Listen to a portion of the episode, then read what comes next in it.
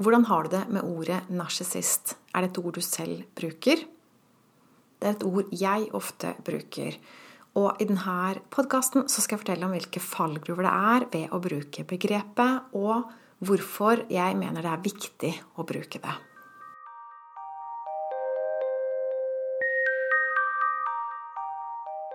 Hei og velkommen til ny podkast. Jeg heter Line Strandvik. Jeg jobber online som personlig veileder, hvor jeg hjelper skilte til et godt liv med glade barn. Så det her narsissistbegrepet, det har jeg snakka og skrevet mye om tidligere. Og jeg vet at det er mange som har det litt stramt med det begrepet. De får dårlig samvittighet for å tenke på at en de kjenner, kanskje er narsissist. Og det kan også være en del andre problemer med narsissistbegrepet. For det første så er det mange fallgruver knytta til det å stille diagnose på andre. Og da vil jeg si uansett hvilken utdannelse man har. Men jeg mener at du kan ha en mening om det, og du bør ha en mening om det. Altfor mange mennesker i dag har slutta å mene noe. Fordi vi lever i et ekspertvelde. Så det er mange som har fått for vane å lene seg på eksperter, og de tør nesten ikke å mene noe selv hvis ikke det er en ekspert som har fortalt dem hva de skal mene.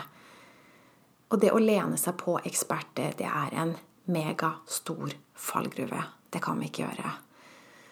Så du trenger ikke å stille diagnose, men du trenger å forstå hva og hvem du står ovenfor. Du trenger mental klarhet. Du trenger å se tydelig hva du står i, og hva din rolle er oppi det her.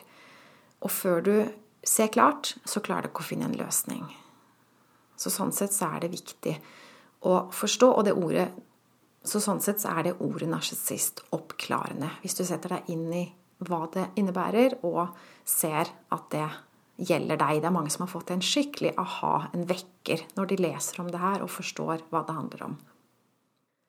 Det andre store problemet med dette begrepet er at det brukes feil. Det brukes til å irettesette andre, til å faktisk også shame andre. Og spesielt hvis det gjøres offentlig eller med tilhørere til stede, så er det faktisk narsissistisk oppførsel. Og det er jo akkurat det. Det kan være en projeksjon. Hvis noen kaller en annen for narsissist, så skal du ikke se bort ifra at det er den personen som sier det, som selv er den mest narsissistiske. Så ordet kan absolutt brukes feil, og det brukes feil.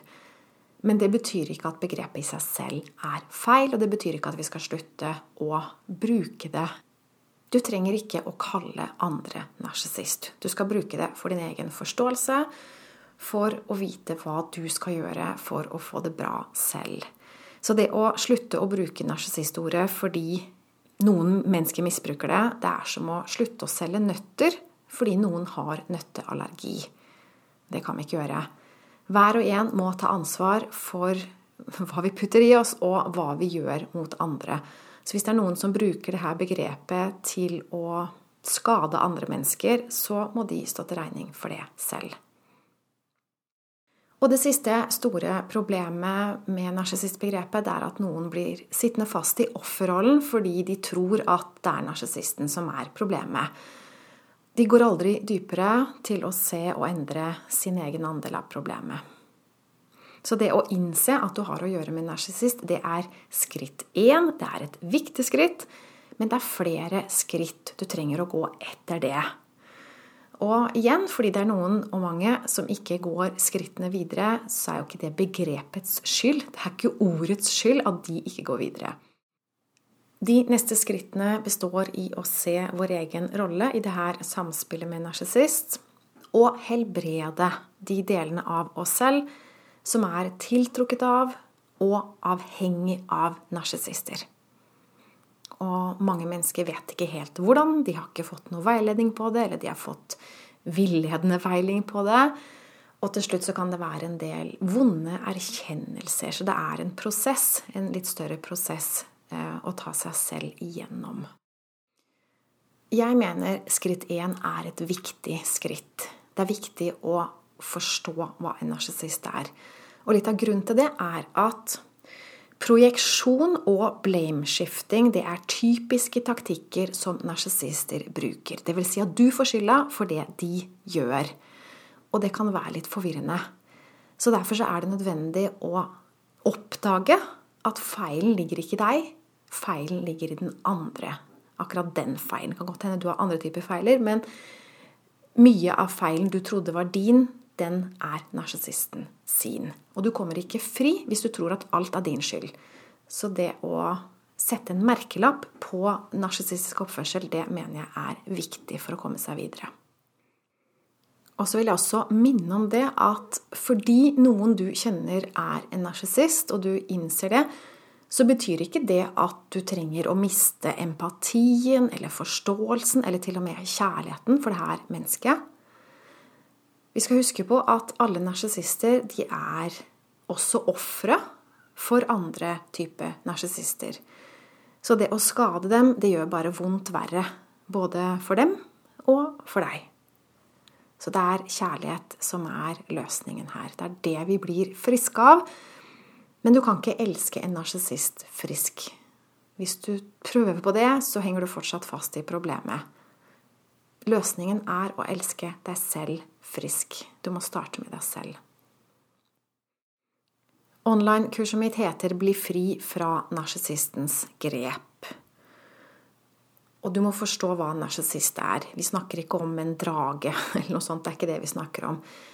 En narsissist er bare en såra person som streber etter beste evne, kanskje, å løse problemene i sitt liv. Men problemet er bare at du blir misbrukt i situasjonen, og det skal du ikke tillate. Så du skal komme deg ut av narsissistens grep. Du skal ikke tillate at noen har kontrollen på deg og mishandler deg og styrer deg. Du skal være fri.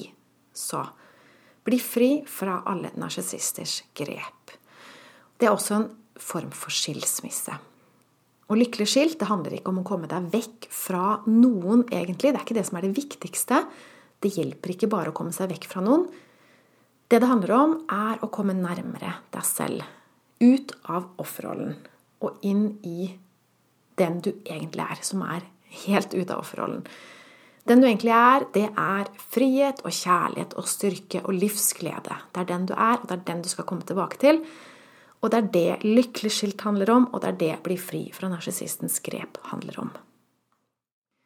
Så for å oppsummere begrepet narsissist er egentlig ikke et nedlatende begrep. Det kommer an på hva vi legger i det, og det er mange som misbruker ordet og legger noe nedlatende i det. Så bruker du det feil, kan det være ødeleggende, men bruker det riktig, så kan det være befriende for alle involverte. Så jeg håper det var oppklarende. Og hvis du vil lære mer om det her, hvis du trenger å bli fri fra narsissistens grep, så kan du melde deg på mitt online-kurs via websiden linestrandvik.no i menyen under e-butikk. Eller hvis du bare ønsker å snakke med meg, så kan du også bestille samtaler herfra. Tusen takk for at du hørte med. Jeg ønsker deg en fin dag videre. Ha det godt.